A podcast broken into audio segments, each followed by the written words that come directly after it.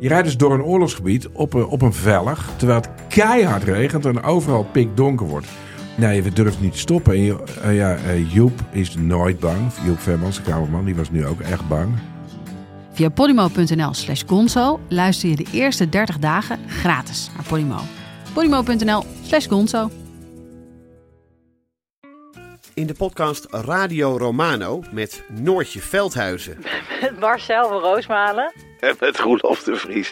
brengen we alle drie elke week een zogenaamde signalering mee. Wat heb jij nou weer bij je? En aan het eind bepalen we wie de winnaar van de week is. Echt een angstcultuur aan het Lege worden. huls die je er bent? Ja, dat gaat eigenlijk altijd onvriendelijk. Luister nu naar Radio Romano bij Podimo. Via podimo.nl slash Radio Romano luister je 30 dagen gratis. Ik heb alles gezegd, dus als ik overlijd, dan staat daar boven de man van de middenschool.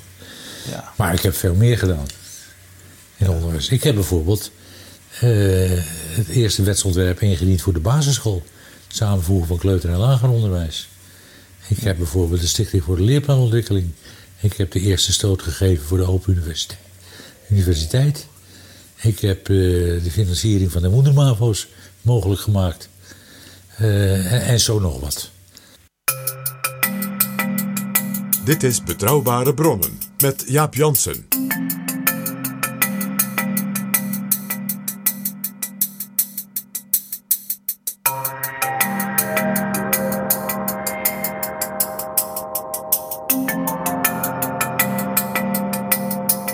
Hallo, welkom in Betrouwbare Bronnen, aflevering 88. Vorige week woensdag overleed Jos van Kemenade. Hij werd 82. Hij was een van de echt grote in de Nederlandse politiek. Reden dus om te praten over hem en over zijn inhoudelijke erfenis. Dat ga ik doen met PG Kroeger, maar vandaag ook met een hele speciale gast, Girard Maas.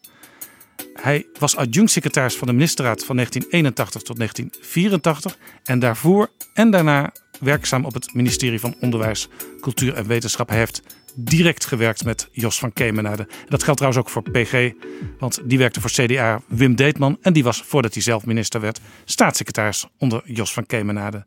Ze zijn dus allebei PG's baas geweest. Welkom in Betrouwbare Bronnen, Girard Maas en welkom uiteraard ook PG. Dankjewel Jaap. Dank je, Jaap. Dit is Betrouwbare Bronnen. Girard, wat is je eerste gedachte bij Jos van Kemenade? Hij was minister toen ik begon eh, als ambtenaar. Na mijn studie en de militaire diensttijd. Dus ik keek met veel ontzag eh, naar hem op. Dat, eh, en hij, en dat geldt overigens ook voor Ger Kleins, een staatssecretaris, waar ik direct mee te maken had. Het was heel benaderbaar. Ger Klein was nog wat opener. Eh, van Kemenade was vriendelijk zakelijk, zou ik zeggen. Dat als ik daar nu op terugkijk. PG, wat zijn jouw eerste gedachten bij Jos van Kemenade? Oh, dat vriendelijke, dat benaderbare, dat herken ik onmiddellijk. Eh, Ik moest toen ik hoorde van zijn overlijden aan ons laatste gesprek denken. Dat was eh, niet zo heel lang geleden. Bij een hele bijzondere gelegenheid. Met de viering van 100 jaar vrijheid van onderwijs. Dat grote thema, hè, wat dat beleidsgebied zo, zo voortdurend weer in discussie brengt.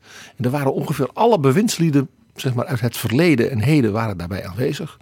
En zo ook Jos van Kemenade. En het was ook een oudere heer. Het was in 2017. Maar de scherpzinnige en ook soms wat milde spot die hij wel eens in discussies kon hebben, die was er nog helemaal.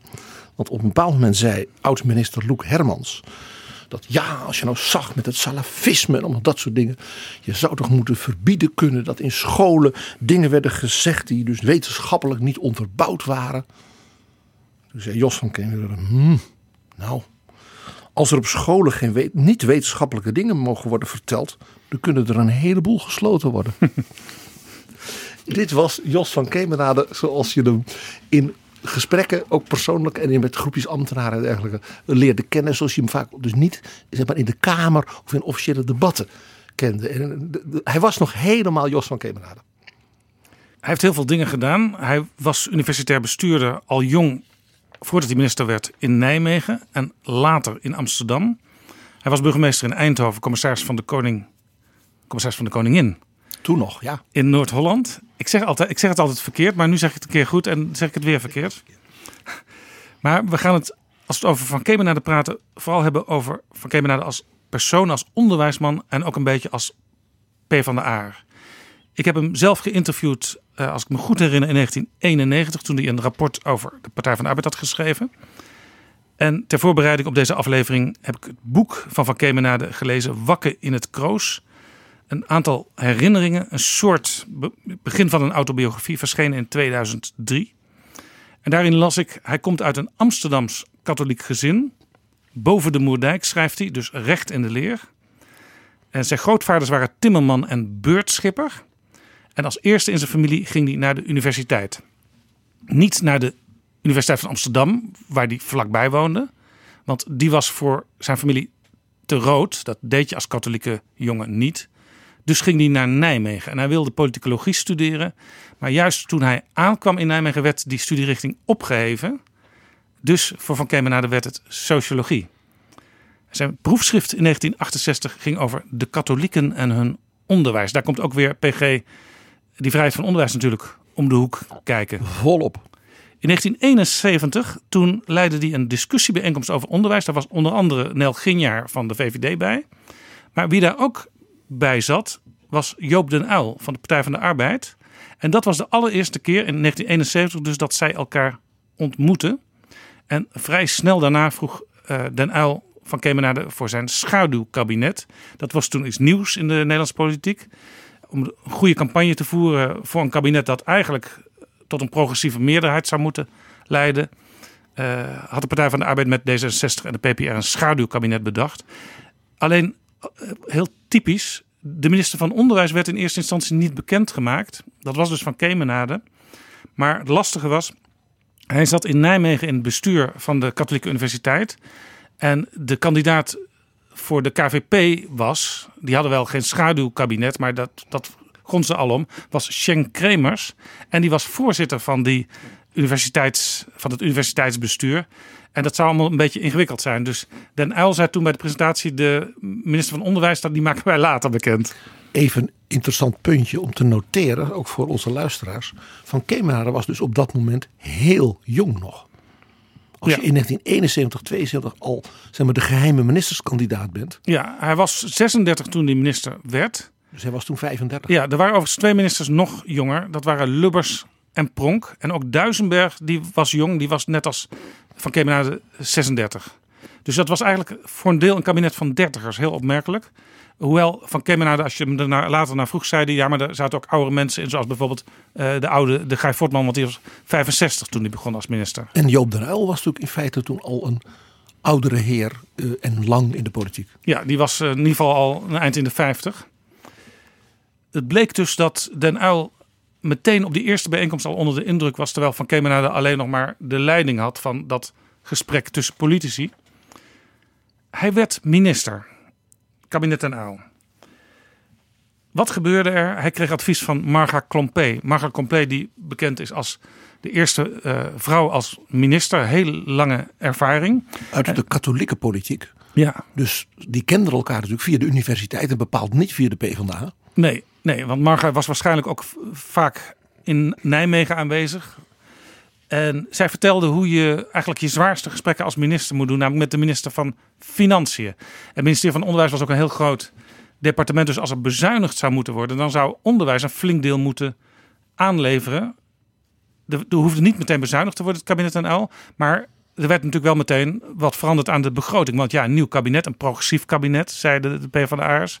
Dus daar moest heel wat veranderen. En Jaap, mijn ervaring, en dat zal voor Ziraar gelden op het ministerie van Onderwijs, ook als er niet bezuinigd hoeft te worden, er is altijd te weinig geld. Dan moet er meer, meer. Ja, wat dus gebeurde, er kwam meteen een gesprek een van de eerste dagen met minister Duisenberg van Financiën over de bijstelling van de begroting 1974. Marga vertelde mij dat ik daar tegenover de minister van Financiën zou komen te zitten, te midden van een hele club ambtenaren die hem vergezelden. De minister van Financiën zou vervolgens het woord geven aan een aantal van zijn ambtenaren, die dan gretig talloze bezuinigingsvoorstellen op de onderwijsbegroting zouden voorleggen. Ik moest daar dan, zei Marga, in het geheel niet op reageren en tenslotte aan mijn collega van Financiën vragen of hij het met die voorstellen eens was. Nou, het gebeurde precies zo. Op het eind van de salvo's van ambtelijk financiën vroeg ik Duisenberg of hij het met die voorstellen eens was en of hij dacht dat die in overeenstemming waren met het regeerakkoord. Duisenberg raakte in verwarring en zei dat het slechts ambtelijke gedachten waren, waarover hij graag mijn oordeel zou horen. Ik zei ja, ik wil met jou eigenlijk alleen over bestuurlijke voorstellen praten en ik ga nu niet hier op alle details hierin. Wim schorste daarop de vergadering en vroeg mij mee te komen naar zijn kamer voor een gesprek tussen ons beiden. Wat maak je me nou? zei hij. Nou, zo ging dat nog even verder.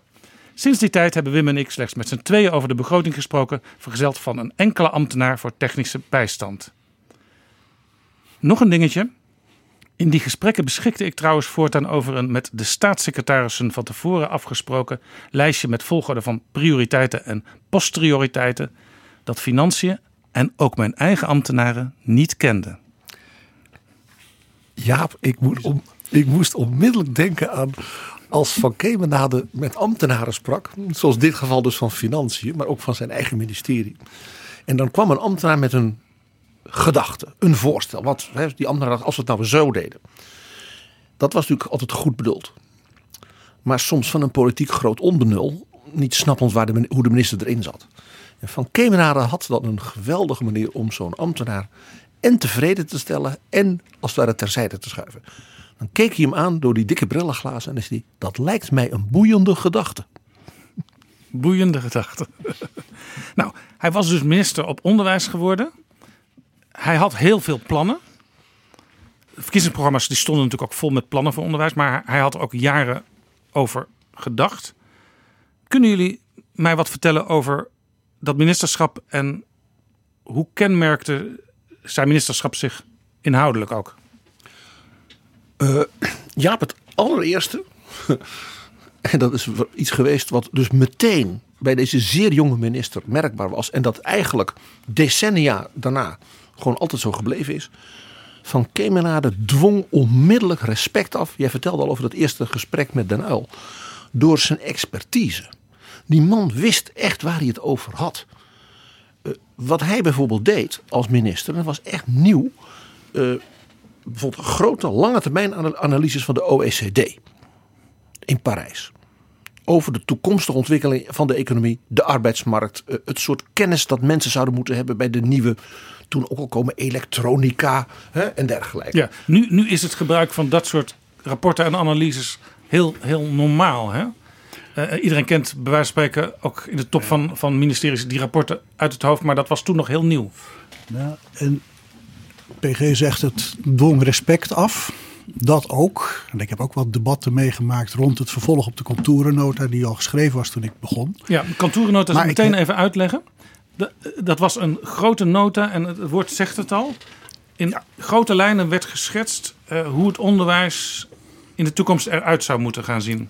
Wat de uitdagingen waren en hoe daarop een antwoord zou moeten worden gegeven in de verschillende sectoren van het onderwijs. Het was, nog geen, het was nog geen wet, het was, het was een gedachtegang. Het was een gedachtegang. De contourennota werd uitgebracht, die trok heel veel uh, vuur, zeg maar rustig.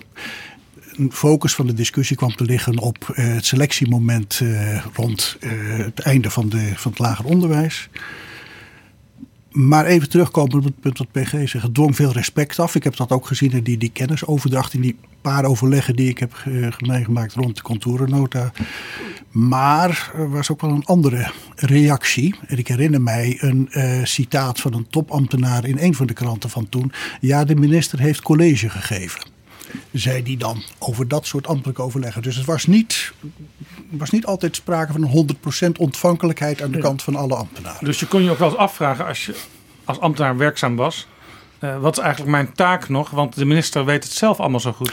Hij had ook wel heel veel slimme mensen binnengehaald. Ik herinner mij bijvoorbeeld, ja, er waren ontzettend veel ambtenaren bijgekomen, waar ik ook van geprofiteerd heb in die tijd. Maar ook mensen als nou, een, een Fons van Wieringen, die directeur was van een van de beleidsdirecties in het voortgezet onderwijs. Dat waren geen mensen die zich zonder meer uh, in discussies de kaas van het brood lieten eten. Die, uh, door de, waar de minister waarvan Kemenade als vanzelf een enorme kennisvoorsprong op had. Dus daar, daar was wel zeker sprake van debat. Maar die haalde die dus ook voor een deel zelf het ministerie ja, in. Dat is ook zelf binnen, neem ik aan. Ik bedoel, dat. Een beetje vanuit de gedachte, wat ze in Amerika wil noemen, the best and the brightest om je heen verzamelen.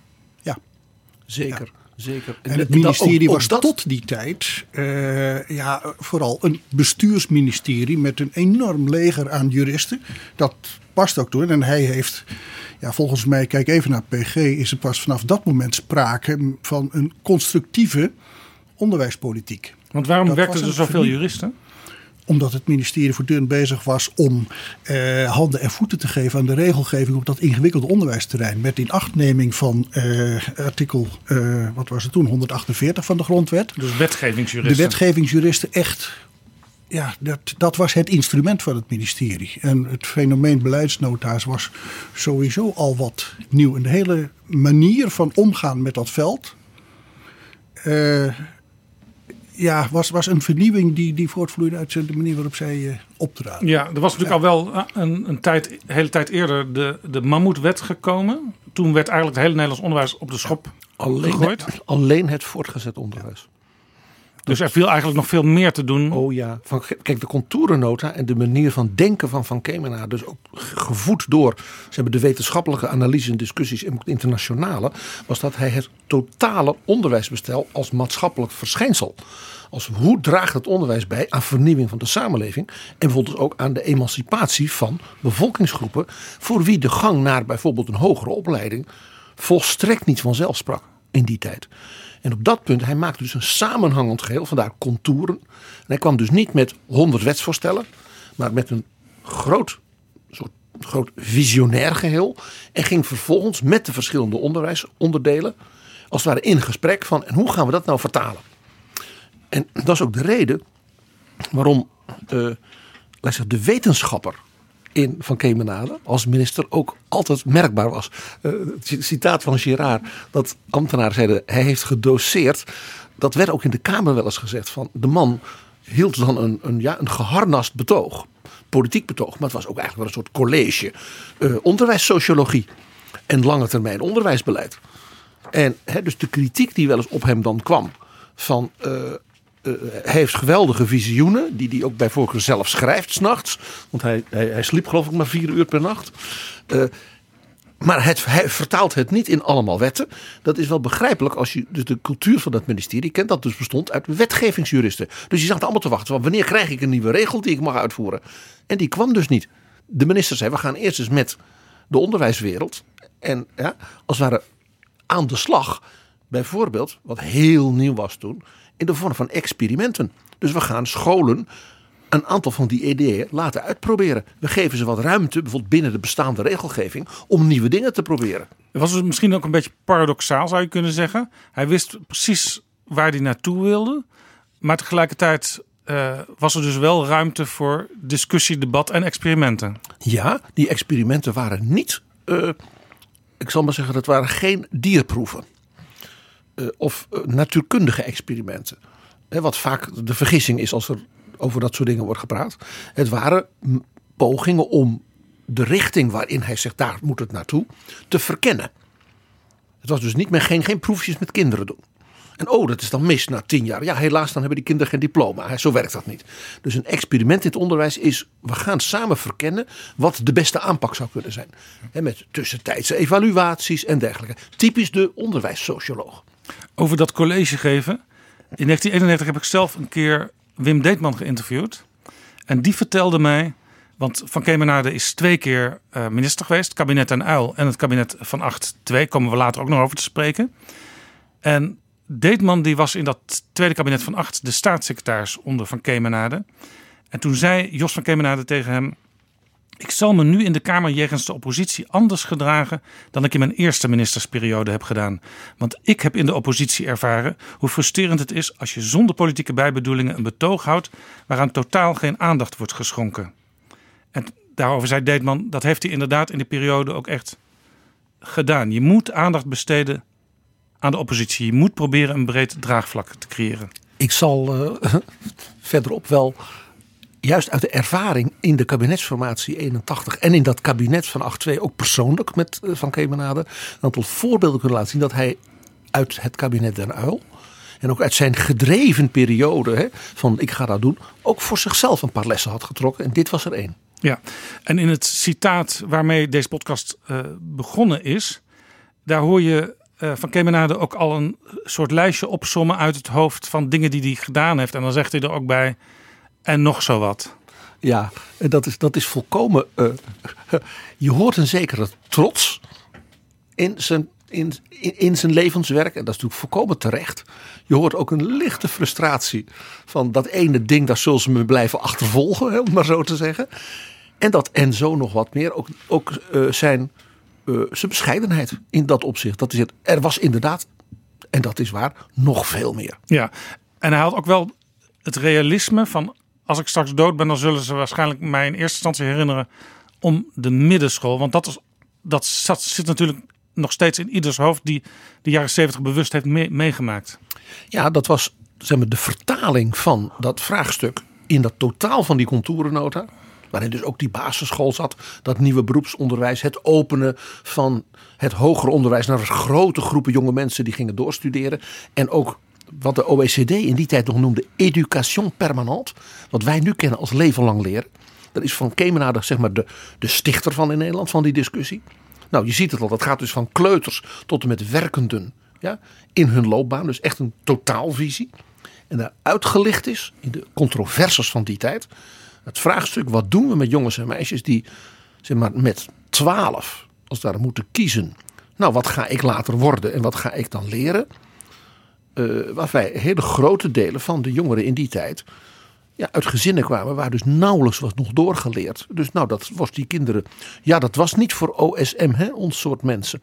En Van Kemenade zei: als je nou die jongeren wat langer nog, als het ware, breed vormt. Dan kunnen ze misschien met 14, met 15, sommigen misschien zelfs nog wel ietsje later, zeggen van ik weet nu wat ik wil en ik weet wat ik kan. Dat gold in hoge mate ook voor meisjes in die tijd nog. Dat werd als politiek controversieel gezien. Eh, Ja, want om, om, vooral ook vanuit een soort. eh, de, de, de minister wil een soort sociale revolutie. Een emancipatie van bovenaf afdwingen. Ja, en er wordt tegenwoordig vaak geklaagd over framen in de politiek. Maar framen bestond toen ook al. En vanuit de VVD werd er eigenlijk een soort beeld geschetst van ja, de minister als grote gelijkmaker. Hè? Iedereen moet veel langer op hetzelfde schooltype blijven zitten. Ja, ik heb hier voor mij een fotocopie van de chocoladeletters van de opening van de Telegraaf. Toen al. Van dinsdag 25 september 1973. En dat was dus de week na Prinsjesdag. En toen had de VVD-fractie in de Tweede Kamer de begroting van minister van Kemenade gelezen. En mevrouw Nelly Smit-Kroes. Toen Kamerlid. De woordvoerder van de VVD. Dus Ik citeer nu die chocoladeletters. Socialistisch spuitje bedreigt schooljeugd.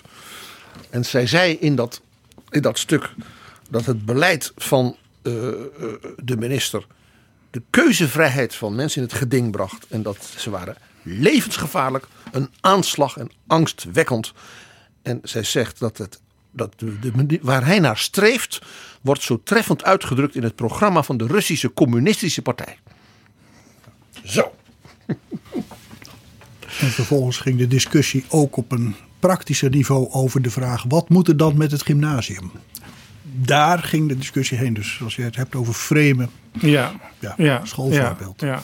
Maar was het niet zo in de gedachte van, van Kemenade dat je weliswaar bij elkaar in de klas zat, maar dat je wel op je eigen niveau al op sommige vakken vooruit kon gaan? Ja, dat is vooral later bij de verdere uitwerking door Deetman en Van Kemenade samen in het zogenaamde voortgezet basisonderwijs veel verfijnder eh, eh, zeg maar geformuleerd. Het punt hier was dat Van Kemenade in die tijd als het ware die grote lijnen gaf en eigenlijk die experimenteerscholen dat wou laten verkennen. Vandaar dat ik al eerder op wees. Het verkennen was zo belangrijk. Van hoe gaan we dat doen in de praktijk? De ene school zal het meer zo doen, de andere school meer zo. En daar gaan we lessen uittrekken. Dus eigenlijk zou je kunnen zeggen, als je de VVD van toen, Nelly Kroes, eh, positief tegemoet zou willen treden. Van uh, u bent veel te snel met uw eindoordeel, want we moeten nog beginnen aan het experiment. Ja, gewoon ja. Het was er ook geen toeval dat in de periode daarna, zowel onder het kabinet Ruil als onder het kabinet van 8-1, als onder het kabinet van 8-2, de discussie dan uiteindelijk ook zich reduceerde tot hoeveel van die experimenteelscholen de overheid bereid zou moeten zijn te betalen. 10, 20, 50, 13. Dus je kreeg een zeer gereduceerde discussie die eigenlijk wat losliet van hoe zouden we nou als land, als samenleving, die toekomstige contouren van dat onderwijs op een zeg maar, verrijkte, diverse manier kunnen invullen. Heel jammer was dat. En als je het politieke beeld schetst, dan stond het CDA waarschijnlijk tussen Partij van de Arbeid en VVD in, in het denken hierover. Ja, waarbij binnen de toenmalige uh, partijen, het CDA was er nog niet, uh, de relaties met, ik zal maar zeggen, de georganiseerde onderwijswereld, het katholieke onderwijs, het protestant-christelijke onderwijs, van groot belang waren.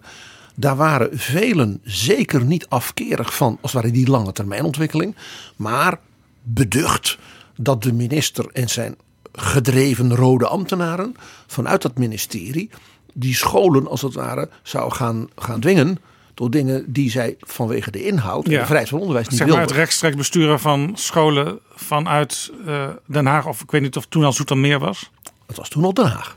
Toen was het nog Den Haag. Toen was het uh, eh, 40 plekken in Den Haag of daarom ja. het ministerie. Ja, want dus zo werd er dus vanuit, Gerard, eh, vanuit het land wel een beetje gekeken naar dat ministerie. Uh, die willen misschien wel een beetje ook hier op dit lokale niveau de macht overnemen. Uh, dat is dat werd toen nog sterker. Het is, kijk, Nederland heeft al het unieke, tamelijk unieke systeem met de vrijheid van onderwijs. Dat is ook een reden waarom die, al die wetgevingsjuristen er moeten zijn. De overheid mag alleen ingrijpen op basis van een wet. Ja, dus eigenlijk een heel gedecentraliseerd systeem. Het is inhoudelijk zeer gedecentraliseerd. En dan... Eh, eh, vervolgens kun je als overheid natuurlijk wel via de geldkraan sturen. Maar er was, en dat is denk ik het belangrijkste toen geweest. Er was een enorm wantrouwen in de oprechtheid en in de openheid waarmee dan die experimenten zouden zijn aangebracht. En daardoor te weinig ging de discussie over uh, het, een ander uniek stelsel van het Nederlandse onderwijs. Uh, namelijk dat enorm vroege selectiemoment. Want Van Kemenade wist natuurlijk vanuit zijn achtergrond dat Nederland daarin ook, in ieder geval binnen Europa, uniek was. En dat dat niet bepaald uh, positief was voor leerlingen die zich later trager ontwikkelden, et cetera. Ja, daar wordt trouwens nu anno 2020 opnieuw over gesproken, hè? over dat selectiemoment. Ja.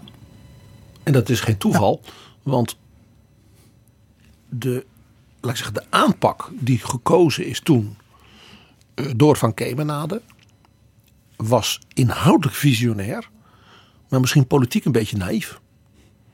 En hij is er dus zelf als minister niet in geslaagd om dat als het ware zo te organiseren met bijvoorbeeld, ik noem maar zo, een wet op de middenschool, eh, dat hij het ingevoerd kreeg. Maar was het ook niet zo dat ehm, hij en de Partij van de Arbeid als geheel dachten: uh, we hebben nu het eerste kabinet en uil, er komt een tweede kabinet en uil, dus we hebben tijd genoeg?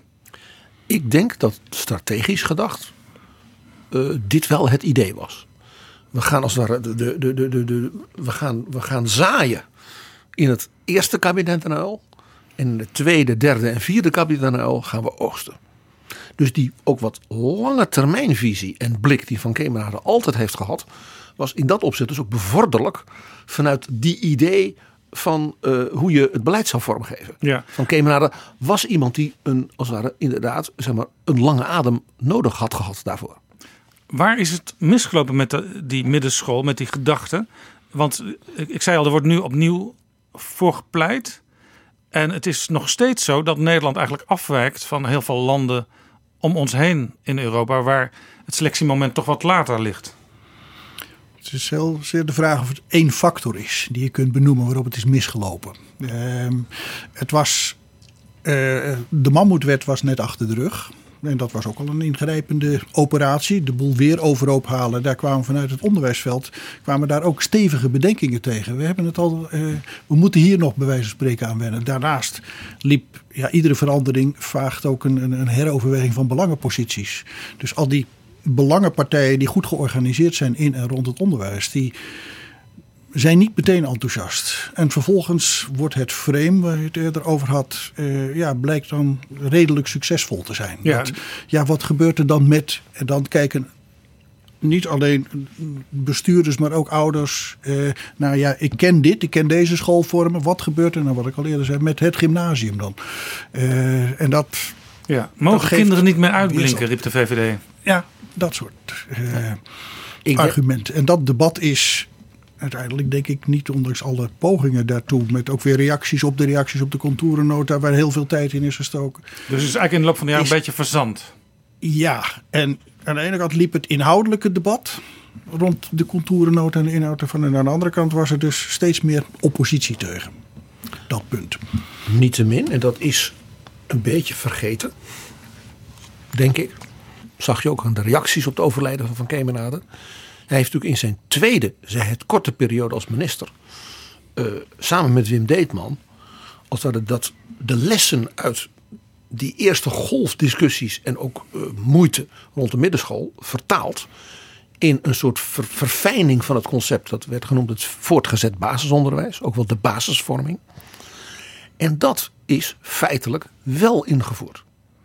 En in welke vorm kunnen we dat dan nu terugzien? Nou, het interessante is dat het nota bene uh, de partijgenoot van, van Kemenade, iemand die zich ook wel een beetje als zijn leerling en opvolger beschouwde, Jacques Wallager is geweest, die in het derde kabinet Lubbers de wijze waarop dat ingevoerd werd. 1989, ja, 1994. Uh, uh, zo, zo aanpakte dat daar toen eigenlijk niet zoveel van terechtgekomen is.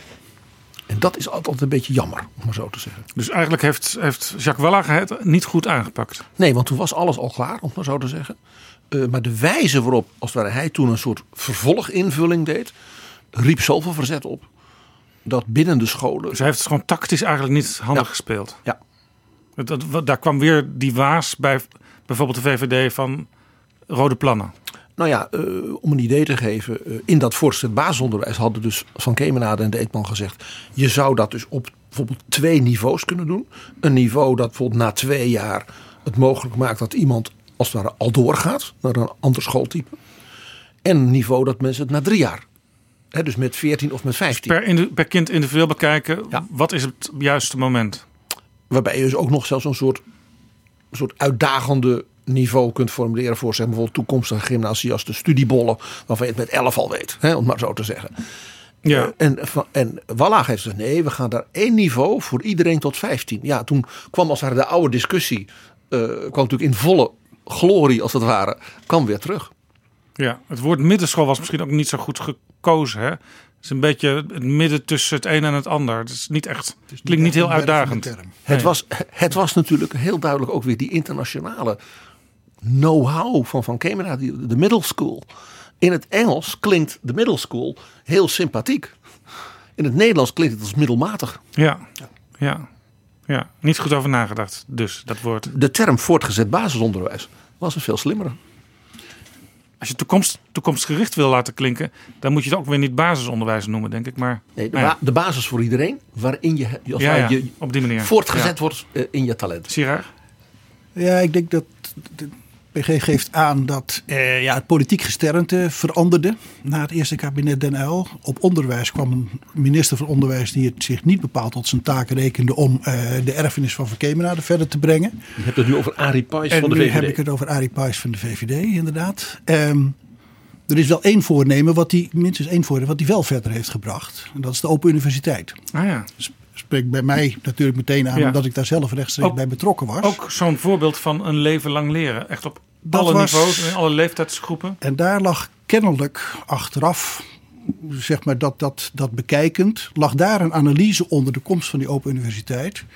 Waar die wel gedeeld werd, ook door de politieke tegenstanders. Want wat was het kenmerk als je even de Open Universiteit vergelijkt met de bestaande onderwijsvormen er waren? Dat die volstrekt anders was in een aantal opzichten. En dat die gebruikt zou worden ook als breekijzer om een aantal discussies die in het hoger onderwijs vast waren gelopen. Bijvoorbeeld die op de verhouding tussen wetenschappelijk onderwijs en hoger beroepsonderwijs.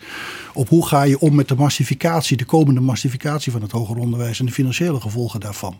Hoe ga je om met andere onderwijsvormen? Dat kwam onvoldoende van de grond. Dat was al aangereikt door een commissie ontwikkeling hoger onderwijs. Onder voorzitterschap van Ruud de Moor. Lid van de KVP, maar een onderwijssocioloog uit Tilburg. Die Jos van Kemenade goed kende. Dus die twee Dat was een soort collega van hem golf. als- Dat als was een collega. Ja, dat was een collega. Dat was dus een nauwe band. Maar daar waren dus een aantal doelen waar je eigenlijk de ogen niet voor kon sluiten. Die, die problemen rond het hoger onderwijs moesten worden opgelost.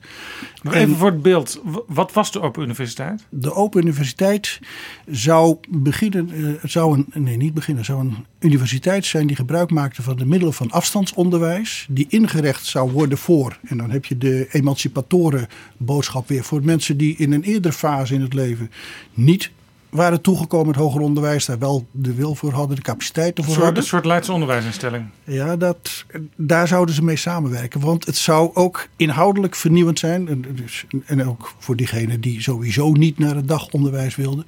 Maar ook met werken met eh, nieuwe vormen van onderwijs, tussenvormen. Tussen wetenschappelijk onderwijs en hoger beroepsonderwijs met onderwijsmodules gaan werken. Allerlei dingen waarvan eh, ook de voorgangers van Van Kemenade een tijdje hadden geprobeerd om die op een voorzichtige manier in het, uh, in het hoger onderwijsbestel ja, enigszins aanvaard te krijgen. En ook hier zag je weer van Kemenades brede internationale blik.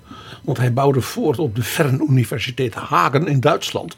En uh, de, de, Open University en in Engeland. Met name ook de Open University in Engeland. Uh, ja. Ja, was en dit was dus van. onder de, de nieuwe minister in het kabinet van Acht Wiegel Arie Pais. Was dit eigenlijk het enige echte grote ding van Van Kemenade wat Pais doorzette? Dit liep in ieder geval door. En ik herinner mij uh, nog duidelijk dat wij als ambtenaar dat wel sp spannend vonden bij de overgang naar het nieuwe kabinet en de nieuwe minister. Of die dit.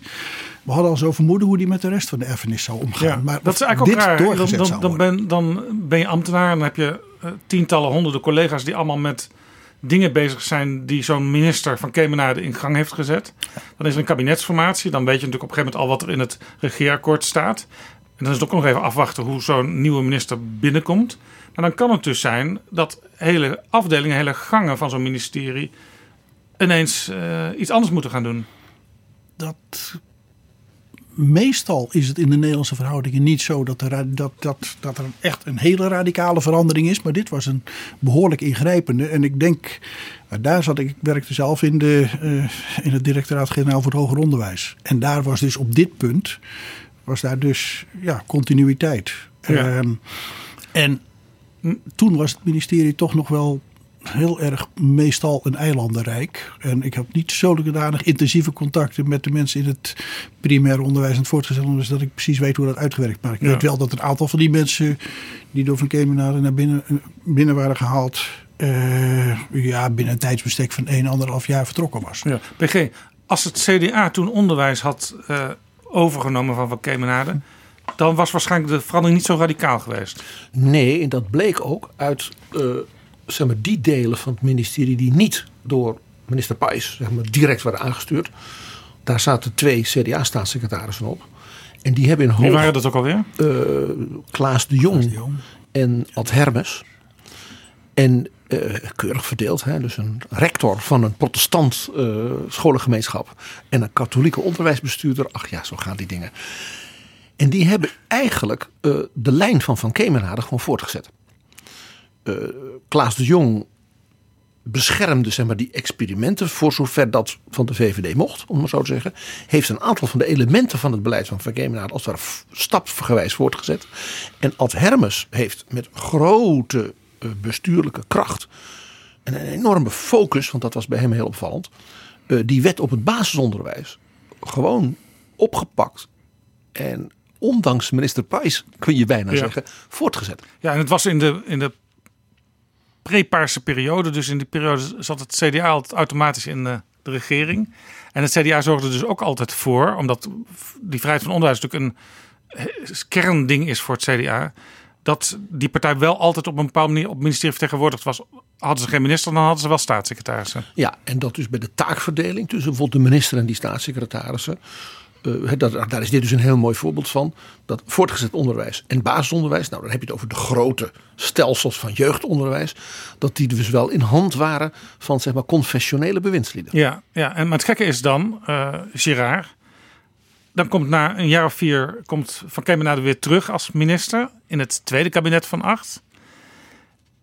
En ja, gaan er dan weer kasten open die vier jaar dicht zijn geweest? En ga, gaan sommige dingen dan weer door waar ze vier jaar eerder gestopt zijn? Dat zal op sommige plekken ook zeker wel gebeuren. Dat die kast. Verstandige ambtenaren gooien niet alles weg. um, Ik, ik zal, het- ik Ik zal zo een anekdote uit, vertellen eh, uit die tijd direct- waar dat uit blijkt. Op dat moment dat het eh, van Kemen voor de tweede keer terug, zat ik bij Algemene Zaken. Ah ja. Dus ik heb niet Nee. vanaf dat moment mijn, eh, mijn onderwijservaring. Nee, nee, maar goed, op een gegeven moment ziet u natuurlijk ook weer eh, stukken binnenkomen waarvan u denkt, hé, hey, dat ken ik uit een wat verder verleden. Dat wat er op onderwijsterrein gebeurde was herkenbaar vanuit dat verleden inderdaad. Ja, Ja. dat is. eh, en dat.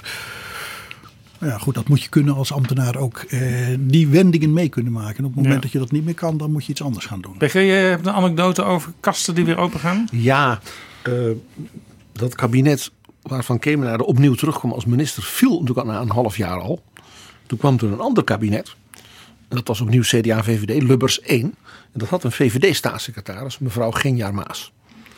Ja, dat was diezelfde Nel Ginja, die, wier naam ik al even noemde. Op die eerste ontmoeting van Den Uil en van Kemenade, dat, daar was toen mevrouw Ginja ook aanwezig. Dus je begrijpt, een doorgewinterde onderwijspolitica.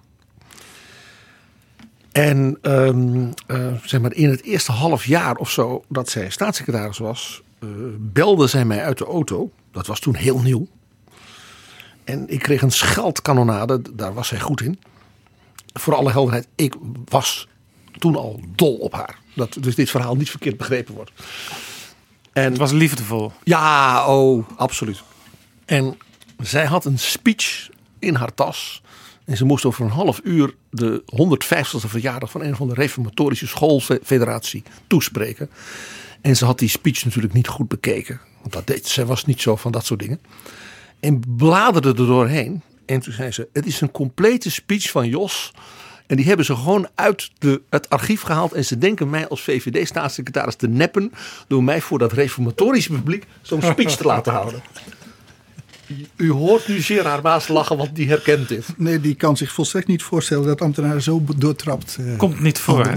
Nee, dus- Dus ik heb toen, terwijl zij. Het was bij, uiteraard in de buurt van Amersfoort. Dus ze heeft toen de rondweg van Amersfoort haar chauffeur drie keer laten rijden. En ik heb haar dus eh, een speech gedicteerd. En dat is natuurlijk niet een volledige speech, maar gewoon gezegd: Nou, begin zo, dit en dit en dit. Oh ja, nou, ik zeg dan het verhaal wat jij vorige week hield daar. En het verhaal wat je twee weken geleden in de Tweede Kamer hield. over die belangrijke nieuwe stappen in het onderwijs. Is het, is de Kamer vond dat prachtig. Doe een parafrase van die twee stukken. En ik heb haar een slot gedicteerd. Herkennend, zij was niet goed in het afronden van de speech. Dan had ze nog weer een verhaal. En ze had nog weer een verhaal. Maar het afronden, dat was niet goed. En toen heeft ze iets gedaan, dat was niet verstandig. Ze heeft die mensen. Ze werd natuurlijk verwelkomd. En het was natuurlijk een grote eer dat de staatssecretaris er was. Hè, want in die tijd was dat zo. En toen zei ze, ik ben zo blij dat ik hier ben. En ik heb nog eens goed nagedacht. Ik heb een boodschap die ik je wil brengen. En ze zei, ik heb hier een speech, die is van mijn ambtenaren. Maar ik wil uit het hart spreken. En toen heeft ze die speech verscheurd. En neergelegd, zodat die ambtenaren die achter in de zaal zaten... heel duidelijk meekregen dat she was not amused. En dit was natuurlijk ook de volgende dag op het ministerie de, de talk of the town. Uh, ja, uh, waarbij natuurlijk ook nog was, hoe kwam zij aan die speech? Die zij daar hield. ja. Want die had die zaal prachtig. Die was te danken geweest aan die zware zwarte autotelefoon die zij als een van de eerste had. Zo gaan die dingen soms op zo'n ministerie. We hadden het er al over. Uh, minister in twee kabinetten. Daar zat nog een hele periode tussen voor Van Kemenade. Toen zat de Partij van de Arbeid in de oppositie. Dat tweede kabinet en uil, dat kwam er toch niet. Want Van Acht ging met Wiegel regeren. En ook hier blijkt weer meteen dat Den Uil van Kemenade graag dicht in de buurt had. Want Van Kemenade werd meteen secretaris van de fractie. En als je secretaris bent, ja, dan zit je echt bij elk besluit, bij elk overleg. Zit je echt in de kern van zo'n fractie. En die fractie was groot. Die had hoeveel zetels? 53 zetels toen? Ja. En een fractiesecretaris is een vooral bestuurlijk iemand. Is sterk dienend. Zowel naar de voorzitter als vooral ook naar het personeel van de fractie. En de collega-leden gaan er maar niet vanuit dat Den Uil iemand was die zeg maar, voor elk van die 52 andere mensen oog had. Hun tranen droogde als er iets was in de privésfeer. Of medewerkers die een probleem hadden. Of nieuwe medewerkers. Dat is allemaal het werk van zo'n fractiesecretaris. En de zowel bestuurlijke als uh, menselijke kant van Van Kemenade die konden daardoor als het ware tot bloei komen. Hij was natuurlijk daarvoor eigenlijk alleen maar hoogleraar geweest. En een keer minister. En, en, en dus er kwam nu een andere kant van zijn, van zijn persoon ook naar voren. Ja, als hoogleraar heb je natuurlijk ook wel met mensen te maken, namelijk studenten ook vooral. Ja, vooral met uh, wat uh, wetenschappelijke medewerkers. En uh, heel interessant, PG, hij was dus vaksecretaris, maar hij schreef ook nog een hele belangrijke wet in die periode. Als Ja. Kamerlid. Ja, uniek. Eh, gaf ook aan waar zijn hart lag. En het was opnieuw het thema waar Gerard Maas eerder over sprak. Namelijk kansen voor mensen die nog geen kansen hadden gehad. En voor wie het vanwege de arbeidsmarkt en de maatschappelijke ontwikkeling en de emancipatie nodig was dat ze die hadden. Je hoorde hem in het begin ook al zeggen. Je hoorde de trots. Dat hij zei de financiering van de moedermavo. Dat had hij als minister. Dat was een soort subsidieregeling. Maar hij zei ja. We hebben in Nederland een gat in ons totale bestel. Dat is dus het niet-jeugdonderwijs. De Open Universiteit, de Moedermavo en al die andere dingen wat wij nu leven lang leren zouden noemen. En hij heeft dus als individueel Kamerlid, dus naast al het werk wat hij al deed, een wet geschreven. Een soort complete kaderwet. Dus niet een klein wetsvoorstel voor een hobby van hem. Nee, een structuurwet alsof hij nog minister was met een apparaat van 3000 man achter zich. Deed hij nu alleen. Voor de volledige volwasseneneducatie. En die heeft hij dus nog ingediend gekregen. In de tijd dat hij dus Kamerlid was. De behandeling daarvan heeft hij voortgezet in dat half jaar dat hij terugkwam als minister. Toen heeft Jacques Wallage als het ware zijn rol overgenomen als de indiener van het wetsvoorstel. Want je zit dan, tegenwoordig kun je dat ook eh, af en toe zien. Je zit dan ook als Kamerlid initiatiefnemer in de kabinetsbankjes. En de minister zit er dan bij, want die moet dan in tweede instantie vertellen wat hij van dat voorstel vindt en of het kabinet ermee kan leven. En of het financieel gedekt is en meer van dat soort dingen. Hij mocht dus reageren op zijn eigen wetsvoorstel. Je ziet hoe vermakelijk. Tamelijk uniek ook in de parlementaire geschiedenis. Nou, dat kabinet viel na een half jaar, zoals we al zeiden. En toen heeft hij het gewoon weer opgepakt. En uh, nou ja, zijn opvolger Wim Deetman zat inderdaad dus als minister erbij. En Wim Deetman had genoeg andere grote uh, zeg maar, structuurwetten die hij moest maken en kon maken. En heeft eigenlijk zijn oud collega, en die ook zeer waardeerde, Jos van Kemenade, gewoon de voorrang gegeven van doe jij dat maar. En we hebben dus hier een unieke situatie in onze geschiedenis. Dat een oud minister als Kamerlid ja, een, een, een grote, echt grote kaderwet als, als, als initiatiefwet erdoor krijgt met steun van een kabinet en een minister van een heel andere kleur. Ja, hoorde bij dat pakket voor die volwassen educatie ook de moedermavo toen? Alles. De hele handel, om maar zo te zeggen. Ja, want dat was toen uh, heel erg bekend. Er werd ook op radio en televisie veel over gesproken. Je kende ook uh, vrouwen die dat gingen doen. Het waren niet allemaal moeders, maar vaak wel. Dus dat was echt iets wat leefde. Ja, het was dus zowel tweede kansonderwijs, zoals dat dan heette, als zoals die Open Universiteit andere vormen van zeg maar niet klassiek uh, uh, uh, jeugdonderwijs waar je dan als volwassene heen moest. Die Open Universiteit was natuurlijk ook een vorm. Dat was niet een universiteit zoals voor zeg maar de leden van Minerva. Dat was een universiteit die bijvoorbeeld gebruik maakte van nieuwe technologieën. Van zelfs televisie. He, zoals de Britten met hun Open University zo goed hadden voorgedaan. Ja. Even, één, mag ik één kleine ondeugend iets vertellen over de Open Universiteit? Toen het eenmaal rond was, onder minister Pais. Toen moest natuurlijk worden beslist welke stad die universiteit zijn hoofdkwartier zou hebben. En je begrijpt, daar werd om gevochten. Want iedereen ging ervan uit, dat wordt dus een groot, vernieuwend, ja, met zelfs Europese uitstraling. En daar komt dus een heleboel werkgelegenheid ook door. Dus minister Pais had het allemaal rond, met dank aan Gerard Maas. Er was een advies van de voorbereidingscommissie Open Universiteit, die een, een, range aan mogelijkheden had aangegeven. En één ding was duidelijk, het moest dus niet een stad zijn die als het ware al eeuwenlang een grote universiteit had. Dus Leiden, nou moesten we maar niet doen. Utrecht niet, Amsterdam. Minister Pais was wat eigenzinnig. En die had een bevriende VVD-burgemeester met wie hij had gedeeld. Ja, de liberalen zaten weer in het kabinet, dus ze moesten ook hun eigen mensen af en toe iets geven. Uh, jij zegt het. Wat gebeurt er? De beslissing over de locatie van de Open Universiteit werd genomen in een ministerraad. Waarin minister Pijs om redenen van financiële aard zodanige ruzie had gekregen met minister Andriessen van Financiën dat hij boos was weggelopen. En toen heeft premier Van Acht dat agendapunt dus niet van de agenda afgevoerd. Wat normaal gebeurt? Ja. Minister is er niet bij, dus agendapunt weg. En toen gezegd, ja, dat moet toch gewoon besloten worden, want die mensen moeten aan de slag. En je raadt het al, toen werd het Heerlen, toen werd het Limburg. Want Schenk Kremers, die naam viel eerder al, was toen gouverneur van Limburg en had even met Van Acht gepraat. Dat zou toch goed zijn als compensatie voor het sluiten van de mijnen, nieuwe dingen in Limburg. En Van Acht had wel warm, warme gevoelens voor Limburg en niet zozeer voor minister Pijs.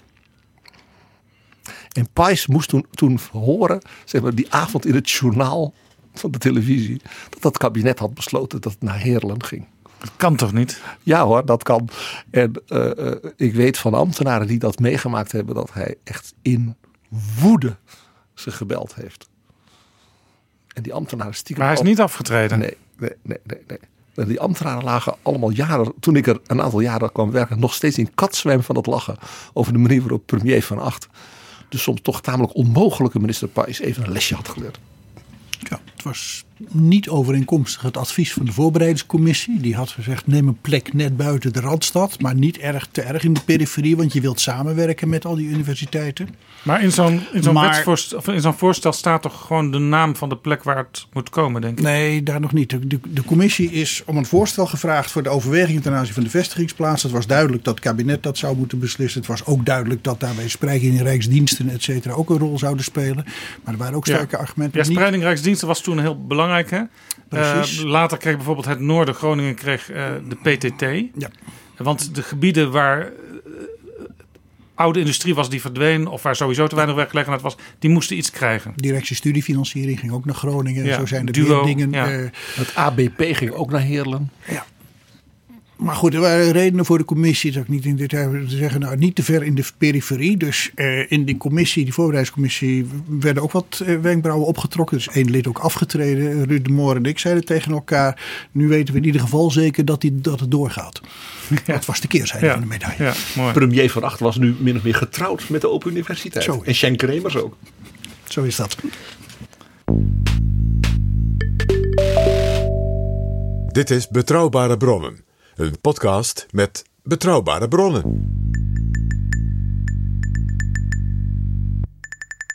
En ik praat met Gerard Maas en PG Kroeger over Jos van Kemenade.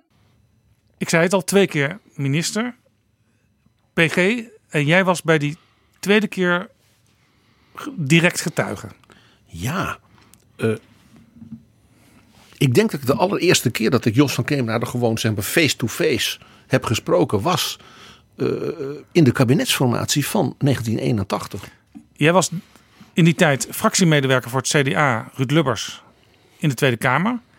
Jij ging op een bepaald moment voor Wim Deetman werken, die staatssecretaris werd in dat tweede kabinet van acht, waar dus van Kemenade weer terugkwam als minister. Ja, en in die kabinetsformatie was één ding duidelijk. Uh, informateur Ruud Lubbers, die was op dat moment dus informateur en dus niet meer CDA-fractieleider. Die moest weg al zijn vernuft, en dat was gelukkig groot, bij elkaar brengen en concentreren om dat kabinet van Acht den Uiterlauw überhaupt tot stand te zien brengen. Dan had hij Jan de Koning als de tweede informateur. Dus er was een soort hoofdtafel, zoals dat heette, waar dan Den Uil van Acht en Terlouw zaten, maar vooral het duo van Acht en Der Uil. En die hoofdtafel werd geleid door Jan de Koning. Ik heb het wel eens vaak gezegd, de beste premier die Nederland nooit gehad heeft. De wijsheid zelf. Die hield die heren bij elkaar. En wat deed Ruud Lubbers? Die bewoog zich daar creatief omheen. En alle problemen die je kon afsplitsen van die hoofdtafel. Die tot zeg maar, explosieve toestanden zouden kunnen leiden. Die werden door Ruud Lubbers uitbesteed aan duo's buiten de hoofdtafel. Dat mocht Ja. alleen niemand weten. Dus fractieleden. Ja. Dus Ruud Lubbers die meldde aan Wim Deetman als informateur, wat hij natuurlijk helemaal niet mocht. Dat moest eigenlijk via de fractie lopen, maar dat. Ach ja, Ruud Lubbers. Eh, jij gaat met Jos van Kemenade een duo vormen. Eh, de D66 eh, mensen van onderwijs, het was natuurlijk een wat kleinere fractie. Ja. Maar die- Kamerlid Shell Mertens. ja, die hoefde er niet bij te zitten. Dat zou nu, als je denkt aan D66, de onderwijspartij, is dat toch wel van- opmerkelijk. En jullie verzinnen samen een tekst voor het regeerakkoord. Die wij op de hoofdtafel kunnen neerleggen met een mededeling. We zijn het weer eens over iets. Wat natuurlijk heel slim was. Om dus de conflictstof tussen Den Uil en Van Acht te minimaliseren. Ja. En eh, Ruud was wel zo slim dat hij zei ehm, dat er een CDA-jongen, en dat was ik dus, dan als notulist en zeg maar eh, schrijver en bedenker van teksten misschien wel handig was die erbij was. ja, zodat de komma wel op de juiste plaats stond. Zoiets, ja. En Van Kemenade accepteerde dat, eh, dat eh, de grootste partijen hè, in dit verband, dan het CDA, dat hij zeg maar, een soort secretaris voor dit stukje kabinetsformatie zou leveren. En ja, hij was natuurlijk best nieuwsgierig van wat is dat voor jongen? En is die te vertrouwen? En eh, kan die wat? Nou, we hebben in drie, vier sessies van zeg maar, een uur of twee. En dat ging heel snel. En je merkt dus ook, de, nou ja, wat ik al zei, de expertise, de brieën van Jos van Kemenade op dit beleidsterrein. En dat Deetman en hij elkaar om eigenlijk bijna meteen leerden vertrouwen. En ze kenden elkaars taal ook. Ze, ze verstonden elkaar. Ja, ja, zeker. Eh, eh, wat zeker hielp was dat Wim Deetman bekend was als een Kamerlid van het CDA. Dat nou niet bepaald het groot bewonderaar van Arie Pijs was. Zulke dingen helpen soms ook een beetje. Eh, en wat hielp was eh, ja, dat de manier waarop zij die gesprekken voerden. Dat ik dat goed kon inkaderen in de vorm van een tekst. En dus na drie, vier sessies lag er anderhalf A4 waarvan zij zeiden. Dit is het. En daar hebben ze dus beide letterlijk hun handtekening onder gezet. En ik moest daarmee dus hè, naar eh, de informateur. Naar Lubbers. Officieel mocht ik natuurlijk helemaal niet als medewerker van zo'n fractie bij de informateur langs. Maar ach ja. Dus Lubbers die legde op de hoofdtafel van Van Acht en Den Uyl een tekst neer. En die zei, we Dit zijn eruit. En dat was een van de meest netelige, ja, meest gevoelige politieke dossiers. Natuurlijk met die middenschool, met de, nou, de collegegelden. Nou, vul maar in. Dus dat was weer een bewijs voor de informateur aan Van Acht en Den Uyl. Dat men eruit ging komen. Oftewel, jongens, het gaat hartstikke goed. Het gaat lukken. Nou, de heren keken elkaar natuurlijk wantrouwig aan. Maar ja, Den Uyl had, dat hadden we al gemerkt, een grote bewondering hè, voor Ja. Jos van Kees. Dus als Jos dit goed vond en dat dit ook mede Jos zijn plan was, dan zou Den Uyl dat niet meer, eh, zou niet meer tegengaan. Dus er moest een definitieve tekst worden gemaakt. Dus dat ding kwam weer terug bij mij. Dus ik heb de definitieve tekst gemaakt. En die moesten dan ten uil en van achter tekenen. Dus ik ben met die definitieve tekst toen naar van achter gelopen. Die zat dus op de kamer van Lubbers. Want die was interim fractieleider op dat moment. Ja, zo gaan die dingen. En ik zal nooit vergeten, Dries van Acht ziet mij binnenkomen. Die zegt, ah, daar is de prachtige tekst over het onderwijs... waar wij het zo volledig mee eens zijn... die ik alleen nog niet heb gelezen. Geweldig. En hij heeft het met een zwoen meteen getekend, ongezien. En die zei, breng jij hem maar naar de informateur. En hij bedoelde natuurlijk Ruud Lubbers. Ja, ja. Dat leidde er naartoe, dat begrijp je wel, dat eh, Deetman en Van Kemenade als duo, zeg maar, op dat ministerie, elkaar af, vanaf, vanaf dag nul begrepen. En ook wel alle twee wisten, dit kabinet kon wel eens niet de volle vier jaar zitten. ja, dat bleek later ook. Hè. Acht maanden was het maximum. Ja, konden ze niet weten, maar moeilijk zou het worden. Dus ze zijn als duo ook meteen, weet je wel, tempo, tempo, tempo. Ja, Dat scheelde natuurlijk bij dat Van Kemenade dat ministerie van haven tot gort kende. Dus toen hij binnenkwam was er op dat ministerie ook wel een soort sfeer van de minister is terug. En ook een beetje onze staatsman. Dan moet je nagaan, hij was dus toen denk ik 41, zoiets. ja, Ja, Ja. Maar hij kwam daar binnen als een gelouterd staatsman. ja. Met die dynamische, jonge, krachtige CDA-man. Die er waarschijnlijk ook wel wat van kon. En die zagen elkaar als gelijken, dat was ook duidelijk. En hij deed nog iets. Hij had een les geleerd uit het kabinet de Rauw. Het kabinet de Rauw hadden die PvdA-bewindslieden allemaal eh, een soort intellectuele meedenker. Man als Bram Peper. Ja? En die werd dan de politiek adviseur van de minister genoemd. Het apparaat moest daar natuurlijk niets van hebben. Zo'n pottenkijker. eh, of eh, zo'n partijpolitieke eh, ideoloog die Ja. ons, ons werk Ja. gaat zitten beoordelen. Nu is het al wat normaler geworden, maar nog steeds geeft het af en toe frictie op ministeries. Wat heeft Van Kemenade gedaan? Die zei, dat gaan we niet nog een keer doen. Ik heb daar ook zelf geen goede ervaringen mee. Die persoon wordt kantgesteld in het apparaat. Raakt dus gefrustreerd. eh, Er ontstaat gedoe, geroddel. Werkt niet. En die heeft toen gezegd, we gaan een soort secretariaat voor de bewindslieden maken. Hij had dus een medewerker van de PvdA de Tweede Kamer. Een zeer gedegen financiële jongen. Die al wat ouder was. En zei tegen Deesman, jij wil misschien ook wel iemand vanuit het CDA. Ja, zei Deetman, dat zou best eens kunnen. Nou, zei Jos, dan weet ik ook wel wie. En dat vond hij wel een goed idee. Dus ik werd nou ja, verordoneerd, niet eens gevraagd, van dat ik naar dat ministerie moest. Want er moest een clubje voor die bewindslieden worden gemaakt. Het ambtelijk apparaat was natuurlijk volkomen eh, overrompeld hierdoor. En dat was ook precies de bedoeling. Maar zij durfde natuurlijk hun Jos, de staatsman, natuurlijk niet tegen te spreken. Bovendien hij zei, kijk, ik doe dit beter nu dan de vorige keer. Dat werkte niet, dit gaat veel beter werken. En ze hebben zich er een beetje ja, nou ja, laten overrompelen. En toen zag je dat Jos dus politiek wel een paar lessen had geleerd. Want ze dachten, we gaan dat uit elkaar spelen. Dus ze maakten toen natuurlijk geen bezwaar tegen de jongen van de PvdA. Maar die jongen van het CDA is zo jong, zo'n studentje, dat kan toch niet. Maar ja, Van Kemenade had met Deetman een afspraak gemaakt. Hè? Ja. PG zou komen.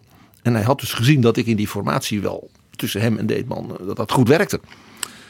Dus wat deed Van Kemenade? Heel slim.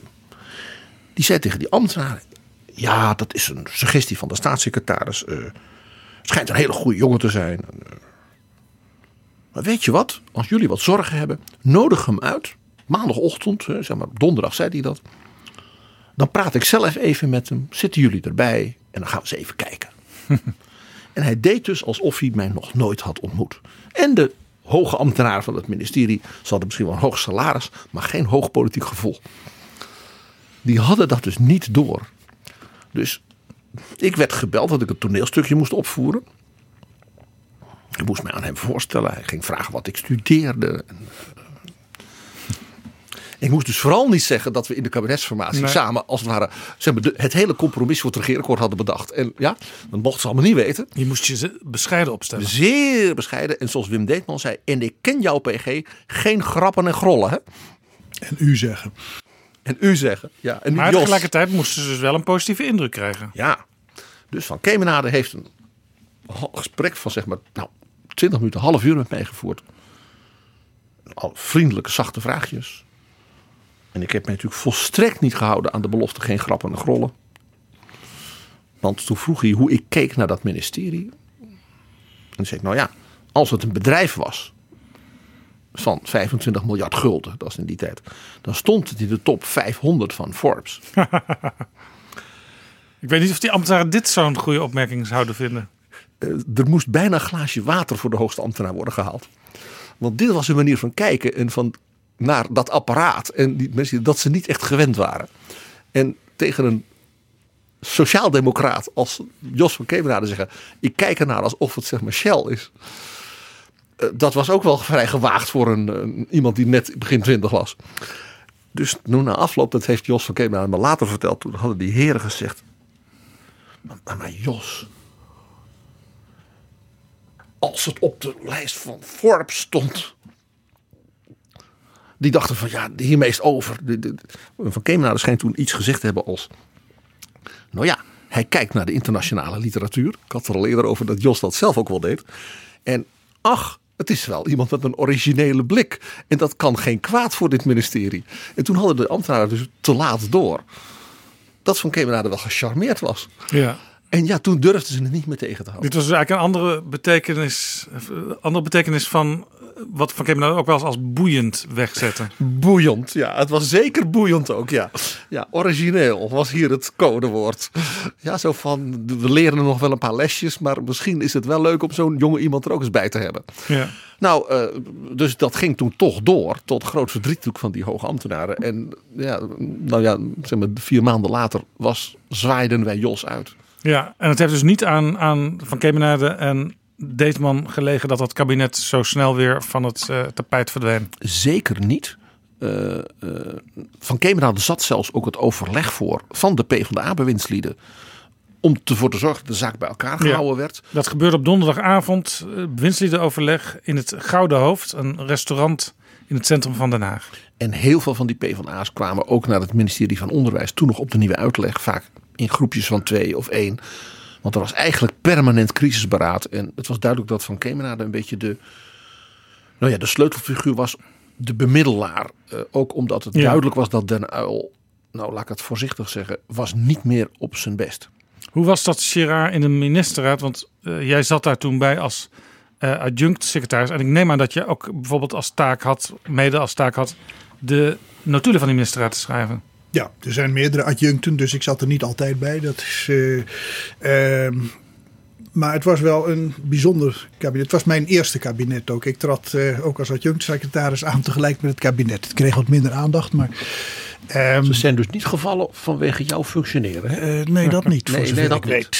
Um, het was wel bijzonder in die zin dat als ik erop terugkijk, staan twee momenten mij nog heel helder voor de geest. Het een is kabinet viel al een eerste keer bij de voorbereiding van de regeringsverklaring. Ja. En ik zie nog voor mij hoe. Het de, wachten was op de regeringsverklaring, die kwam maar niet. Die kwam maar niet. Was Daar kwamen ze niet uit. En dus waren ze al een soort van demissionair. Maar dan toch moet je gewoon vergaderen als kabinet. Dus de vrijdag nadat dat gebeurde, kwam weer in de Treuvenzaal. En ik zie nog voor mij nog steeds het beeld van Ed van Tijn die binnenkwam dus voormalige fractieleider, even de, de, de belangrijkste PvdA-politici. Ja, minister van Binnenlandse Zaken. Toen. Minister van Binnenlandse Zaken, die echt ja, volst, zeer ontdaan zei: wat een vreselijke aanfluiting.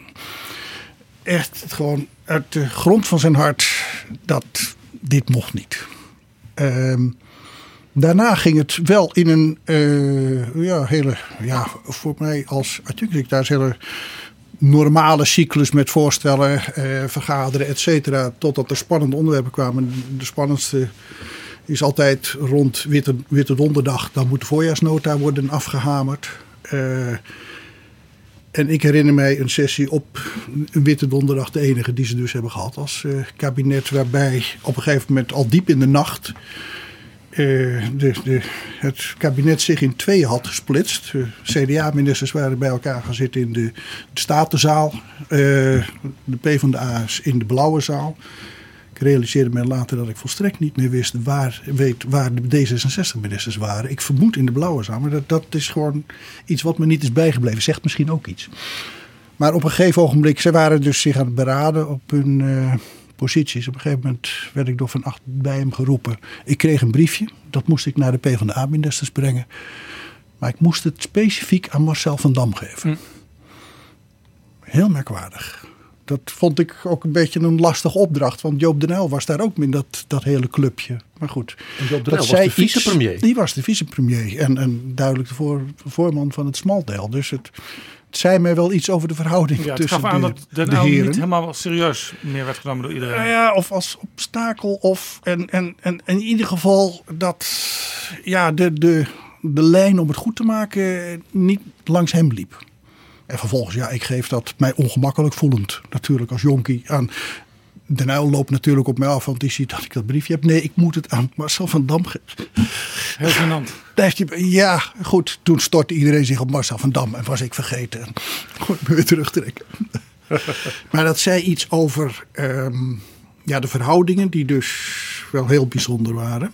En uh, ja, ook iets. Uh, dat uh, ja, Den Uyl niet in alle opzichten als, als vol in ieder geval ook van de andere kant uh, de En had, had Van Kemenade ook een beetje vanuit zijn zeg maar zijn katholieke achtergrond dus proberen mensen samen te brengen daar niet een rol kunnen spelen van uh, bemiddelaar? Nou, ik, ik moet dan gewoon zeggen wat ik gezien heb, dat heb ik niet gezien. Dat is, eh, en dat kan ook aan mij liggen. En het is ook zo dat een deel.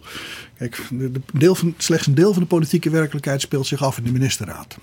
Ja, het is vaak natuurlijk het slotakkoord van een heel, heel proces. slotakkoord. En alleen op die spannende momenten, het is ook altijd leuk om er dan bij te zitten als adjunct natuurlijk. Als ze inderdaad op een enorme tijdhorizon, anders schuiven ze het wel vooruit. Maar nee, de volgende dag, die voorjaarsnota moet er zijn op die donderdagnacht. Want vrijdag moeten we allemaal naar de Matthäus Passion. Ja. Eh, dat moet gewoon eh, gebeuren. Maar de- anders dan, er kan dus, laat ik zeggen, in dat eh, hele gebeuren daaromheen. De, de rol die Van Kemenaar daarin gespeeld heeft. Daar kan ik weinig over zeggen. Want dat is mij in de, de ministerraad niet gebleken. PG? Ik heb uit die laatste fase wel een hele, hele aparte herinnering. Eh, wat toen speelde, was dat Den Uil vanwege de echt maar min of meer instortende economie. eh, een enorm banenplan, zoals dat heette, wilde. Met dus geld Ja. van de overheid. Hij was ook, dat werd toen in de kranten ook superminister genoemd. Hij was superminister van Sociale Zaken en Werkgelegenheid. Dat laatste is er aan toegevoegd. Het is zelfs het bordje wat in, het, eh, in de tuin van het ministerie in de Zeestraat in Den Haag stond. Is dat er gewoon nog ondergeschreven en werkgelegenheid. Om maar te vieren hoe belangrijk dat ministerie onder Den Uyl plotseling was geworden. Ja, en het effect was dat eh, Den Uil dat ook gebruikte voor een soort zeer soort expansieachtige benadering van wat die minister allemaal mocht. Dat leidde tot grote irritatie bij ook de PvdA-ministers. eh, Ook Jos van Kemenade zelf. Want Den Uil wou in het kader van de werkgelegenheid dan ook min of meer met het mbo. En het hbo als het ware onderbrengen bij het ministerie van Sociale Zaken. Alles wat we met werk te maken had. Eh, en toen, om dat op te lossen, hebben ze een, was het, we gaan een banenplan maken waarin die verschillende ministeries gecoördineerd door het ministerie van Den Uyl, ja, dan min of meer wel gerespecteerd hun rol zouden kunnen eh, vervullen en niet als ware een soort landjepik eh, alleen maar zou ontstaan. En Den Uyl had toen een aantal briljante jonge PvdA-economen om zich heen verzameld en die zouden dat voor hem maken. En een daarvan was Jo Ritsen. Ah, Die natuurlijk veel later minister werd. de eerste PvdA-minister werd na, van onderwijs na Van Kemenade. En Van Kemenade heeft toen mij bij zich geroepen. En gezegd, ja, grote delen van zeg maar, dat banenplan aspect van onderwijs zit in de portefeuille van Wim Deetman. Dus ik heb een afspraak laten maken, een lunch van professor Ritsen met jou volgende week. Want hij moet snappen wat wel en wat niet kan. En het is niet verstandig dat. Hier zag je dus de politieke finesse van Van Kemenade. die die als het ware ook in dat kabinet Den Uyl misschien had geleerd. hoe Ja. je soms als minister moet opereren. Alvast preluderen op wat er misschien onder leiding van Den Uyl zou kunnen gebeuren. Ja. Eh, En hij zegt, als, hij zegt dus, dus hij zegt, Rits- Ritsen moest dus niet met Deetman praten. Want dan zou Ritsen tegen Den Uyl moeten zeggen, ja ik heb al met de staatssecretaris gepraat. En die vindt dit en dit en dit. Dus Ritsen wist, grappig genoeg, van Van Kemenade, ik ga jou laten praten met zeg maar, de rechterhand van de staatssecretaris. En blijkbaar vertrouwde hij mij ook zodanig dat hij zei, luister goed. En dat als jullie elkaar begrijpen, zoals Wim Deetman en Jos van Kemenade elkaar begrepen, dan konden we zeg maar de, nou ja, de, de, de, de, de landjepikneigingen en misschien de minder gelukkige kant van de manier waarop Den Uyl dat aanpakte, via ritsen wat helpen afremmen. Die lunch is nooit doorgegaan, want ik geloof de dag ervoor viel het kabinet. En was Den Uyl en was ook Jos van Kemenade geen minister. Ja, ja. Maar dat gaf dus aan dat er ook tussen een man als Den Uyl, tussen Van Kemenade en Den Uyl en andere PvdA-ministers dus grote spanningen ontstonden binnen een totaalpakket waarin Ja. er dus in het kabinet spanningen waren tussen de partijen. Ja, en dit is ook een mooi moment waarop ik misschien even wat uitgebreider moet vertellen over Van Kemenade en zijn verhouding tot Den Uyl. En Van Kemenade als Partij van de Arbeid-denker. Grappige is, eh Jo Ritsen die was toen dus al in 81, eh, die kwam daar op het toneel. Later, drie jaar later, heeft eh, Van Kemenade samen met Ritsen en Thijs Wildgens ook voor de Partij van de Arbeid nog een eh, rapport geschreven over de economie. En dat was eigenlijk een rapport wat voor PvdA-begrippen eh heel erg vooruitstrevend was in die zin dat daar heel erg in werd beschreven hoe de economie er steeds slechter aan toe was. En wat er voor ingrijpende maatregelen, bijvoorbeeld ook bezuinigingen, zouden moeten worden genomen. En dat rapport is in een diepe la verdwenen bij de Partij van de Arbeid. En Van Kemenade zelf heeft wel eens verteld dat hij ook in de oppositieperiode, dus vanaf 77, zich ook wel al wel eens ergerde aan het feit dat de Partij van de Arbeid toch niet echt heel erg veel en snel begrip had voor veranderde economische omstandigheden. Nee, de complimenten die ook van onder andere van mensen als Lubbers en vanuit het CDA voor dat rapport werden gebracht, waren natuurlijk uh, voor dat rapport in de, binnen de PvdA dodelijk. Ja, ja. En de Partij van de Arbeid had nog andere ontwikkelingen waar Van Kemenade ook moeite mee had. Allerlei maatschappelijke uh, actiegroepen die, die namen min of meer bezit van delen van het PvdA-beleid. Denk maar bijvoorbeeld aan de kruisraketten discussie. Uh, waar de Amerikanen samen met Europa uh, ja, nieuwe raketten op Europees grondgebied wilden zetten. Om het gevaar van de Rus af te wenden. Uh, er zijn toen enorme demonstraties geweest in Amsterdam en in Den Haag. En ook op andere plekken in Nederland.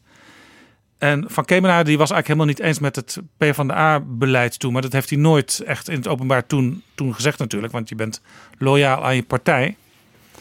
Het was zelfs op een gegeven moment was het zelfs zo dat PvdA-ministers die wilden eigenlijk gaan demonstreren voor een ander kruisrakettenbeleid dan het kabinet waar ze zelf in zaten had voorgesteld. En daar heeft Van Acht toen een stokje voor gestoken. Er werd toen trouwens wel door de kinderen van Van Kemenaar de wet een beetje geplaagd thuis. Ja, wij gaan wel en, en mama gaat ook. Annie van Kemenade. En we nemen dan een bord mee. Hebben ze niet gedaan hoor, maar we nemen dan een bord mee. Wij lopen hier mede namens Jos van Kemenade en die is het helemaal met ons eens. Zo, zo ging dat in die tijd. Uh, Den Uil die had dus een, ja, een hele goede band met Van Kemenade. In dat kabinet, eh, waar ze dus heel kort weer even meededen, zag Van Kemenade, maar zagen ook eigenlijk alle andere Partij van de Arbeidministers. Met Den Uil gaat het eigenlijk op deze manier niet meer. Die, die zit nog te veel in die groef van dat hij eigenlijk de premier had moeten zijn. En dat eigenlijk het PvdA-beleid dominant moet zijn. De, de, term... En eigenlijk was dat nog het oude jaren 70 beleid. En inmiddels zaten ze al in het begin van de jaren 80. En ook PvdA'ers vonden dat er een ander soort beleid moest komen. Dat was de tijd dat Den Uil op de linkerkant in Nederland de president in ballingschap werd genoemd. Dat was eigenlijk heel, heel tekenend. Dus er werd eigenlijk gezegd op een gegeven moment al tijdens dat kabinet van eh, Joop, zou jij niet eh, moeten terugtreden als leider. Nou, hij bromde dan wat en er werden eigenlijk geen besluiten genomen. Maar het, het, tragische was dus dat eigenlijk alle ministers zeiden dat, in meer of mindere mate tegen hem. Daarna kwam Den Uyl weer in de oppositie terecht. En Van Kemenade zat ook weer in de Tweede Kamer. Max van den Berg was toen de voorzitter van de Partij van de Arbeid. Toen moest echt wel serieus worden gedacht aan opvolging van Den Uyl. En Den Uyl dacht op een gegeven moment zelf ook van, nou ja, er komt een moment. Ik weet niet precies wanneer dat komt, maar er komt een moment. Maar dat bleef allemaal heel, heel vaag. In de Partij van de Arbeid, bijvoorbeeld bij Max van den Berg, maar eigenlijk bij heel veel PvdA'ers, was wel een zekere voorkeur voor Wim Kok als opvolger van Den Uyl. Het lastige was wel, tijdens dat hele moeilijke kabinet was Den Uyl recht tegenover Wim Kok en de vakbeweging komen te staan. Dus dat was lastig.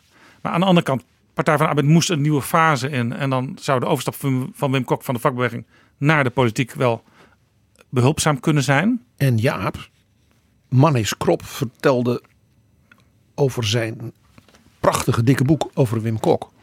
Dat precies in die fase Kok dus zeer teleurgesteld raakte in Den Uyl. Ja.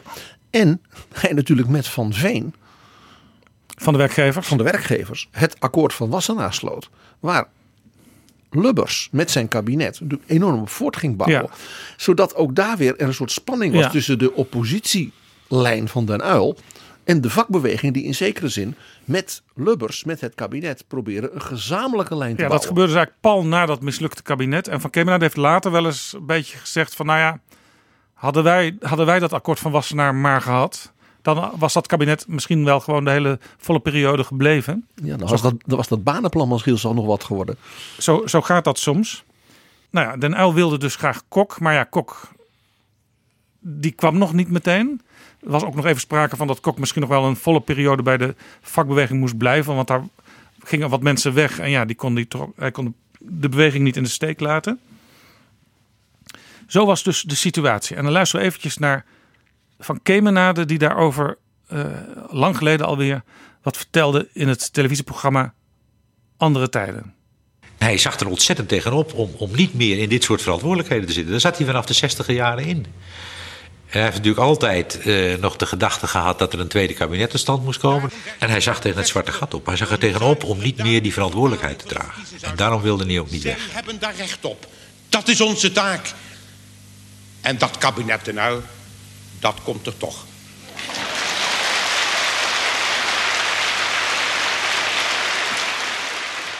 Bij Den Uil was dus eigenlijk het idee dat tweede kabinet Den Uil, dat moet er nog komen. Dus ja, ik kan nog niet weg. Kok was nog niet beschikbaar. Den Uil twijfelde. En de ogen richtten zich ook op dat moment op Van Kemenade. Want Den Uil die zei, eh, Jos, ik zie eigenlijk ook wel wat in jou. Wil jij ook niet beschikbaar zijn? Eh, want dan is eh, voor de Partij van de Arbeid de continuïteit gewaarborgd. En als Wim Kok niet kan, nou ja, dan hebben we jou in ieder geval. Misschien kunnen we jullie ook samen op het ticket zetten. En dat betekende al die tijd dat Joop den Uyl zelf dus niet weg kon. Ik ga het nu even heel machiavellistisch zeggen. Dit was ook een manier om die twee tegen elkaar uit te spelen en ook tegen de tijd uit te spelen. Ja, en Van Kemenade zelf die dacht van ja, ben ik eigenlijk wel een geschikte leider voor de Partij van de Arbeid? Want hij was bang dat de partij verdeeld zou raken, omdat hij zelf binnen die partij te boek stond als realist en gematigd. En sommigen, bijvoorbeeld het kringetje rond Max van den Berg, die zagen hem ook wel als rechts. En dat is natuurlijk helemaal een stempel wat je in de Partij van de Arbeid niet wil hebben. En katholiek ook nog. Mijn standpunt was altijd: één, ik vind niet dat ik dat doen moet. Ik ben er niet geschikt voor. Uh, ik ben zo onbescheiden om te denken dat ik wel geschikt ben als fractievoorzitter en eventueel als premier. Maar ik ben geen lijsttrekker voor de Partij van de Arbeid. Ik spreek grote delen van die partij niet aan. Ik, ik ben, heb te veel een intellectuele uitstraling, zou je kunnen zeggen. Uh, uh, twee, ik vind dat Wim Kok het moet doen. Dat vond ik dus vanaf 82 al. Uh, maar als de nood aan de man is, als het niet anders kan, als, als Joop echt uh, vindt dat hij terug moet treden en anderen zijn, dus niet meer Wim Kok met name, is niet beschikbaar, dan doe ik het. Maar op voorwaarde dat de, de partijtop, en met name Max van den Berg, mij steunt, want ik had er geen enkele behoefte aan om ondertussen onderuit gehaald te worden. Ja, in, het boek Wakken in het Kroos van Jos van Kemenade staat deze hele periode uitgebreid beschreven. Zelfs brieven aan Den Uil en aan anderen staan erin afgedrukt. En op 18 september 1983 legt Van Kemenade in een brief aan Den Uil uit waarom hij het niet wil doen. Definitief niet. En dan eindigt hij met: Wees er tenslotte van overtuigd dat ik dit schrijf in alle vriendschap en vanuit mijn nu eenmaal ingebakken hebbelijkheid om de zaken zo rationeel mogelijk te benaderen. Die brieven die bestonden ook allemaal uit tien punten. En als Joop den Uyl dan antwoordde, waren het ook weer tien punten. Hij schrijft in dat boek ook. Ik heb te lang met me laten sollen. Het was trouw aan Joop. Ik kon hem niet in de steek laten. Ik had achteraf veel eerder heel nadrukkelijk de knoop moeten doorhakken. Eh, mijn vrouw heeft het ook voortdurend gezegd. Dus kom nou toch. Uh, heeft ze ook gelijk in. En het is een hele belastende geweest. Ik, ik, eh, in 85 heb ik, heb ik een hartoperatie gehad. En Ach, oorzakelijkheid kun je nooit aantonen. Maar ik denk wel dat het voor spanningen van twee jaar daar een rol bij hebben gespeeld. Ja. ja. Nou, later is hij nog twee keer gevraagd, gepolst om minister te worden. Onder vicepremier Kok en later ook onder premier Kok. 1989 1994. Uh, maar in 1989 was hij net burgemeester in Eindhoven. En in 1994 was hij commissaris van de koningin. En wat hij zelf al zegt, uh, hij had ook hartproblemen. Dus zijn cardioloog die uh, riet het hem af. Om het heel kort nog even af te maken, zijn Partij van de Arbeid uh, bekommernis. In 1991 heeft hij nog een rapport geschreven met een aantal PvdA-corifeeën. Dat rapport heette Een Partij om te kiezen, de commissie van Kemenade. Hij zei, de partij moet minder onder die Haagse kaarstop zitten. Iets wat je heden ten dagen nog steeds hoort als een partij even in crisis zit, dan is dat altijd een van de eerste conclusies. De partij moest uh, gaan Europeaniseren, dus veel meer samenwerken met de andere sociaal-democratische partijen in Europa. De kiezers moesten meer invloed krijgen, bijvoorbeeld zwaardere rol voor voorkeurstemmen. Er moest een nieuw beginselprogramma komen, want er was een, programma uit 77 wat eigenlijk heel, oude, heel snel al als ouderwets werd gezien. Hè. De basisindustrieën moesten genationaliseerd worden, stond er bijvoorbeeld in. En, dat speelt ook in 2020 weer. Uh, hij pleitte in dat rapport voor samenwerking met D66 en toen al GroenLinks. Ja, je ziet ook het jaar 1991 is hier heel veelzeggend. Dat is het jaar dat de PvdA natuurlijk door een van de diepste dalen uh, in haar geschiedenis ging. Ja? Een gruwelijke verkiezingsnederlaag bij de Staten. De WHO-crisis. En dit was natuurlijk vlak na uh, het verdrag van Maastricht. Uh, we hadden het al eens eerder over het kabinet Lubbers-Kok. Lubbers 3 dat geconfronteerd werd twee, drie dagen na zijn aantreden met de complete verandering in de wereld, de val van de muur. En dit rapport van Kemenade is ook weer zo'n reflectie op dat men dus worstelde met zich ja, aanpassen, snappen wat er in die wereld aan het veranderen was. Ja. En dat men daar dus niet uitkwam. Ja, we gaan een beetje in dit gesprek in Betrouwbare Bronnen uh, naar het einde toe. En als je over het einde praat, dan wil ik er ook nog een fragment laten horen van een gesprek wat Van Kemenade had met Robert-Jan Boy en Adam Diels in 2018. Dat staat op YouTube. Ik zal de, in de beschrijving van deze aflevering uh, de link geven. Uh, het is uiteindelijk een gesprek van een uur. Een heel mooi gesprek. Persoonlijk gesprek uh, met Jos van Kemenade. En daar praat hij erover dat eigenlijk sinds zijn vrouw enkele jaren eerder was overleden zij was dement en hij heeft haar nog lang verzorgd. Daar was hij ook heel, heel blij, blij over dat hij dat nog had kunnen doen. Maar sinds zijn vrouw er niet meer was, was het toch wel erg een, ja, eenzaam, zei hij niet, maar wel, hij was erg alleen. Ja, wat doe ik? Ik lees veel. Dat is winst van mijn opleiding, zal ik maar zeggen. En ik kijk veel televisie. Dat is geen winst van mijn opleiding. En ik kijk, als het even kan, veel voetbal, televisie. Uh, maar ja, dat zijn loze bezigheden. Lezen is toch mooi?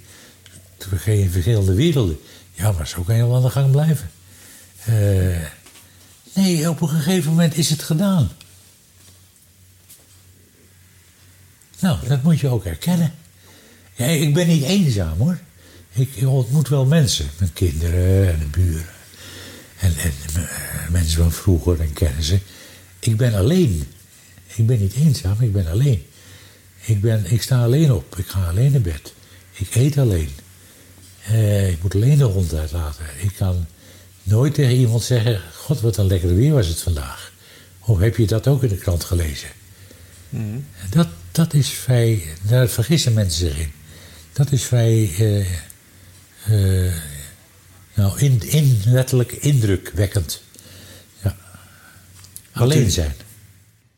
Nou, dat is eigenlijk een hele mooie manier zoals iemand in zijn laatste jaren de boel bekijkt. Hij ging af en toe nog met zijn scootmobiel ging die op pad. Uh, op, op, het laatst had hij ook een rollator thuis. Zelfs als hij dus door het huis liep, moest hij een rollator gebruiken. Zijn hoofd was nog heel scherp, hoorde je.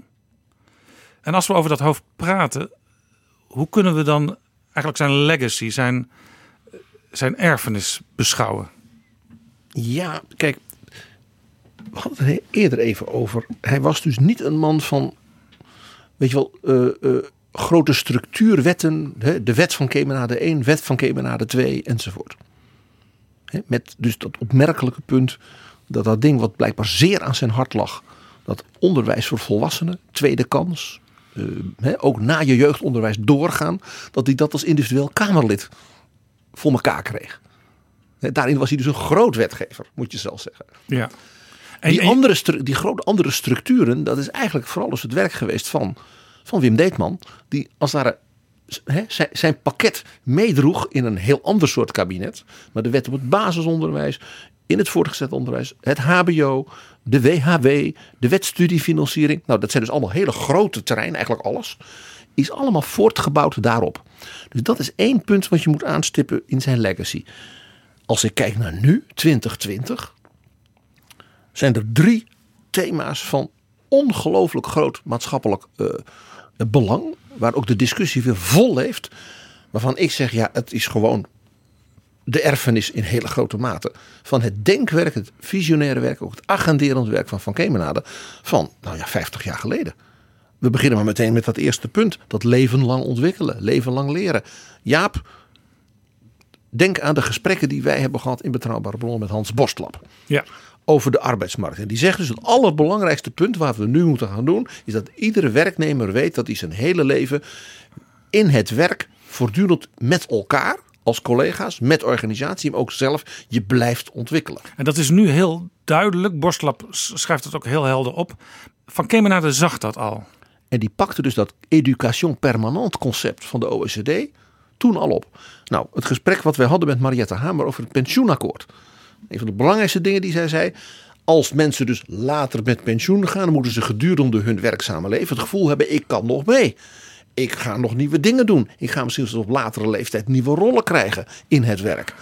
Dit is helemaal zeg maar, erfenis van uh, het conceptuele denken van Van Kemenade. Nou, tweede punt, ook zo'n heel groot thema, kwam al eerder aan de orde. Die uitstel van studie-beroepskeuze. Wat is het goede moment voor jonge mensen om in hun jeugdonderwijsfase te zeggen: Ik weet nu waar ik aan toe ben. Ik weet nu wat ik wil. Ik weet nu Ondanks dat ik misschien uit een gezin kom waar bijna nooit geleerd is wat ik kan. Of ik weet al heel lang, ik droom al heel lang daarvan en ik pak die kans. dus dat hele idee van dat voortgezet basisonderwijs, om maar zo te zeggen, die basisvorming, dat nu weer een nieuwe uh, uh, ja, aandacht krijgt. Omdat men zegt, Nederland loopt op dat punt misschien wel achter. Ja. Ten opzichte van andere kenniseconomieën. Ja, en toen in de jaren zeventig werd er vooral ook gekeken naar hoe zorg je dat arbeiderskinderen verder komen. En later heeft Van Kemenade ook wel eens gezegd... dat geldt nu evenzeer voor kinderen van allochtone afkomst. Ja, dat is het grote derde punt. Uh, die hele manier van denken van Van Kemenade... over wat in, toen, in zijn taal van toen gelijke kansen heette... en uh, ja, tweede kans onderwijs. Uh, dat is natuurlijk ja, actueler dan ooit... als je kijkt naar een sterk gediversifieerde bevolking... mensen van zeer verschillende herkomst als je ziet hoe, het, hoe, hoe men worstelt met malle concepten rond inburgering. Dat mensen een studieschuld moeten opnemen en hun eigen inburgering moeten regelen. Dan denk ik, nou, dat hele denken over die scheidslijnen, een kans pakken, met leren je in die samenleving uh, een plek verwerven. Nou, dat blijkt ook nu weer zo actueel als maar kan. En dat leuke is, hij heeft, Van Kemenade heeft zelfs bij de fameuze commissie Dijsselbloem die dus de vernieuwing in het onderwijs kritisch moest beoordelen. Ja, alweer een tijdje geleden, 2007 speelde dat. Ja, was Van Kemenaar natuurlijk een van de getuigen. Je zou bijna zeggen de getuigen à décharge. He? Er was natuurlijk, zijn vernieuwingsgedachten lagen onder vuur. Nou, de toen toch al hoogbejaarde van Kemenade liet zich werkelijk niet uh, uh, inpakken door critici in de commissie. Die heeft gezegd, ja, die manier van denken van toen hij zegt, daar neem ik niks van terug. Alleen het Nederlands van nu, van 2007, van 2020, ja, is natuurlijk niet het Nederlands van 1965, 1970, toen ik een jong hoogleraar was. Hij zegt, er zijn nieuwe vormen van ongelijkheid. Hij zegt, en de sociale ongelijkheid in de samenleving is een onderdeel dat altijd weg wordt gedrukt als het gaat over integratie. Hij zei, maar die dingen hangen samen. En je moet dus kijken naar die nieuwe scheidslijnen. En ook nieuwe ongelijkheden die in de samenleving zijn. En toen heeft hij er zelfs van gezegd van kijk. Ik lees nu letterlijk voor wat hij toen zei. Wij praten heel veel over inburgering nu. Van allochtonen. Maar we hebben grote delen van de bevolking nooit fatsoenlijk ingeburgerd. Hij zei, kijk ook naar lager opgeleiden in Nederland. Denk aan de anderhalf miljoen mensen die eigenlijk niet echt goed kunnen lezen en schrijven. Laat staan tellen. Dat waren dus thema's waar hij al nou ja, 50 jaar geleden mee bezig was. Waarvan de actualiteit nu ongekend is. Jaap, jij en ik, wij waren woensdagavond. Vorige week. Vorige week. We hadden net gehoord dat Van Kemenade was overleden. Op die middag waren wij op een studiedag in het kader van het 70-jarig jubileum van de Sociaal-Economische Raad onder leiding van Mariette Hamer. En waar ging die over? Over de nieuwe scheidslijnen en ongelijkheid en hoe je daar als samenleving mee omgaat. En eigenlijk die hele avond, we hebben het er ook even met Mariette Hamer over gehad, dat je dacht, dit gaat over de legacy van Jos van Kemenade. En de ongelooflijke actualiteit en ook dringendheid van zijn denken en zijn werk. Ja. En dan, dat kan niet iedere minister zeggen. En zelfs niet iedere minister van staat bij zijn overlijden. Ja. Hij, zijn denken is dus nog zeer actueel, zou je kunnen zeggen. Van Kemenade is ook gevraagd door Robert-Jan Boy en Adam Diels in hun gesprek naar hoe hij zelf naar zijn eigen betekenis kijkt. Laten we daar tot slot nog even naar luisteren. Ik hoef niet per se herinnerd te worden. Bovendien is het allemaal van korte duur. Ik, uh, ik zie dat nu al. Het zijn tal van jonge mensen die, uh, die niet weten dat er nou minister-president geweest is. En uh, ga zo maar door. Of die niet weten dat Nederland in 1974 bijna wereldkampioen in München was. herinnerd, ach, het gaat voorbij. We zijn een zandkorreltje in de woestijn, hoor ik een zekere van acht zeggen. Ja, die overdrijft wel meer. maar uh, nou ja, we zijn natuurlijk onderdeel van een alsmaar doorlopende geschiedenis. Van een evolutie van mensen. En dat is natuurlijk ook zo. Maar goed, daar kan je nog wel wat betekenen. Je bent er niet voor niks. Als, je, je er bent, moet je ook proberen uh, wat verstandigs en goeds te doen. Denk ik. Niet omdat je in de hemel komt, want er is natuurlijk geen hemel. Uh, er is ook geen hel natuurlijk. Uh, verzinsels. Slimme verzinsels inderdaad. Maar dat zijn verzinsels, dat kan natuurlijk ook helemaal niet evolutionair. Evolutionair ontstaat het universum, daarbinnen ontstaat iets dat aarde heet. En wat misschien nog één of twee of drie miljoen keer ook voorkomt in het universum.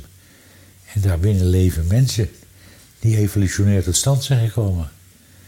Dus ja, dat moet je allemaal maar een beetje met een korreltje zout nemen. Maar je bent er niet voor niks. Denk ik. En daar klinkt dan nog het geluid van zijn bak met heel veel verschillende pijpen, want hij verzamelde die. Uh, ja, dat, dit was echt van Kemenade. En één dingetje nog. Hij, de naam van Acht valt even in dit laatste stukje.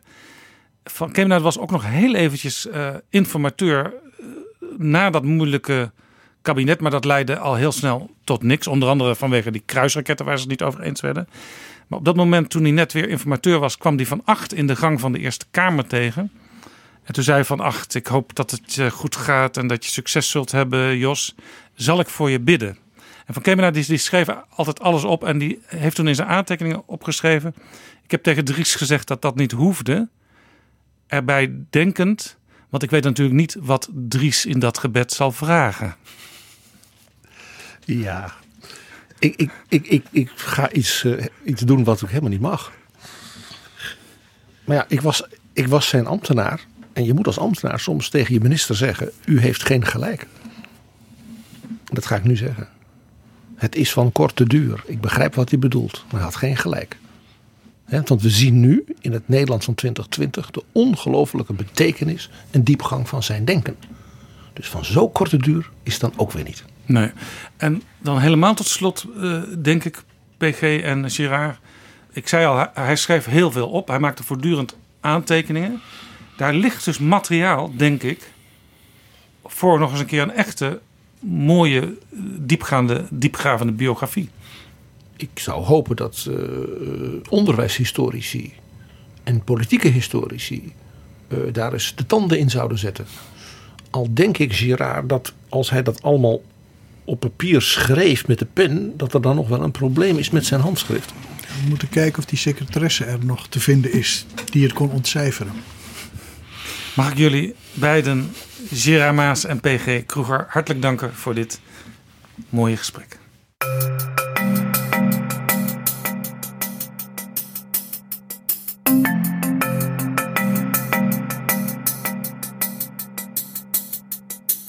Zo, dit was Betrouwbare Bronnen aflevering 88. In de beschrijving van deze aflevering staan een aantal links naar eerdere afleveringen die ook interessant zijn om te beluisteren, als je die nog niet hebt beluisterd, en die verband houden met deze uitzending over Jos van Kemenade. Er staat ook een link in naar een interessant filmpje. En er staat ook een verwijzing in naar het boek van Jos van Kemenade, Wakken in het Kroos, dat helaas niet echt meer verkrijgbaar is in de gewone boekhandel. Deze aflevering is mede mogelijk gemaakt door We Nederland. Overweeg je betrouwbare bronnen te sponsoren of in deze podcast te adverteren? Stuur dan een mailtje aan Flip Kilian Adams. Dat is flipapenstaartdagennacht.nl. Vond je deze aflevering interessant? Geef ons dan, als je wil, een waardering op je podcast-app. En heb je vragen of opmerkingen? Mail dan naar betrouwbare bronnen apenstaartdagennacht.nl. Tot de volgende keer. Betrouwbare bronnen wordt gemaakt door Jaap Jansen in samenwerking met dag en nacht.nl.